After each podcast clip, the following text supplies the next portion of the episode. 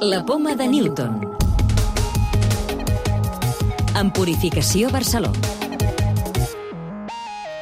Per primera vegada, un medicament personalitzat ha aconseguit controlar el càncer de pàncreas en una part dels malalts. Us en parlem en el programa d'aquesta setmana, en el qual també us descobrirem una nova estratègia contra malalties de la retina i una nova troballa que ens ajuda a entendre millor com vivien els neandertals. Un nou fàrmac s'ha mostrat eficaç contra alguns tipus de tumors de pàncreas que tenen una mutació concreta que afecta un 8% d'aquests malalts. Ara hi ha poques opcions de tractaments per a aquest càncer i, a més, el nou medicament té una tolerància molt bona. En l'estudi hi ha participat l'Institut d'Oncologia Vall d'Hebron. Ens en parla la investigadora principal, Teresa Macarulla.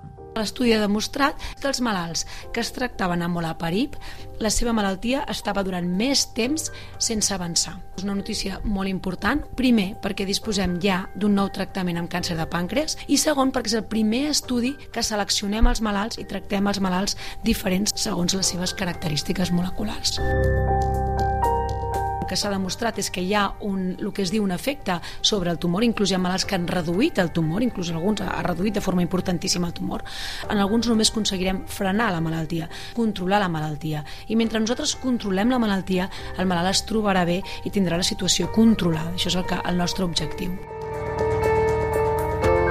gran avantatge d'aquest fàrmac és que té una millor tolerància. No és un fàrmac que estigui exempt d'efectes secundaris, però des de luego, quan es compara amb la quimioteràpia, els efectes secundaris són molt més tolerables. Per tant, permeten als pacients millorar la seva qualitat de vida. El medicament s'ha aprovat amb 200 malalts amb aquesta mutació i que havien estat sotmesos a quimioteràpia, però ja hi ha estudis en marxa per descobrir si hi ha més afectats per la malaltia que se'n podrien beneficiar. També us expliquem que investigadors de l'Institut de Recerca Vall d'Hebron han demostrat que, contràriament al que es pensava fins ara, els coliris que protegeixen les neurones són capaços d'arribar fins a la retina. Això fa que puguin ser útils per aturar la mort neuronal i combatre malalties com ara la retinopatia diabètica. Rafael Simó és el responsable de la investigació. Nosaltres hem demostrat que les molècules petites, quan s'administren amb coliri, poden arribar a la retina i això permet, d'una forma no invasiva i que ho pot administrar-se el propi malalt i no depèn de l'oftalmòleg, tractar la retinopatia diabètica en estadios incipients. Els neandertals arcaics de fa 400.000 anys ja emmagatzemaven menjar. Ho diu una recerca en participació catalana que s'ha basat en una cova d'Israel i que pot canviar la concepció de com vivien aquells homínids. Fins ara es creia que menjaven el que trobaven en cada moment, però ara s'ha constatat que tenien costums més moderns. S'han trobat ossos de 400.000 anys amb marques que diuen que aquell menjar no era del dia. Antoni Margalides, investigador de la Universitat de Lleida i del CSIC.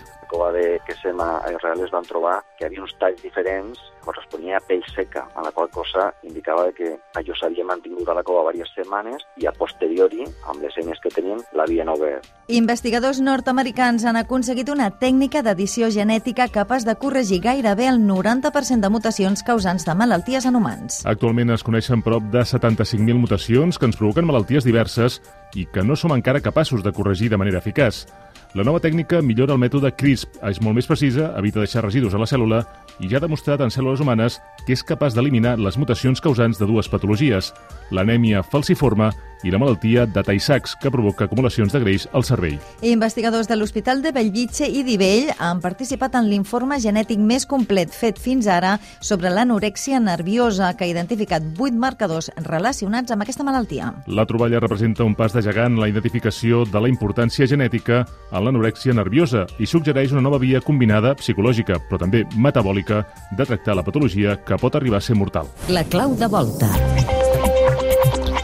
Hi ha diferents tipus de forats negres? Ignasi Ribas, investigador de l'Institut d'Estudis Especials de Catalunya. Hi ha diferents tipus de forat negre que es classifiquen segons com de massius siguin. Hi ha els que en diem supermassius, que són els que hi ha a les galàxies, hi ha el que en diem de massa intermitja, que hi ha a les galàxies petitones, hi ha el que en diríem de massa estel·lar, que són com les masses com del nostre estrella, el nostre Sol, i hi ha el que en diem microforats negres, que encara no s'han conegut i que serien de masses molt, molt petites. Recordeu que ja podeu descarregar-vos el podcast de la Poma de Newton o subscriure-us al programa per rebre'l directament als vostres dispositius.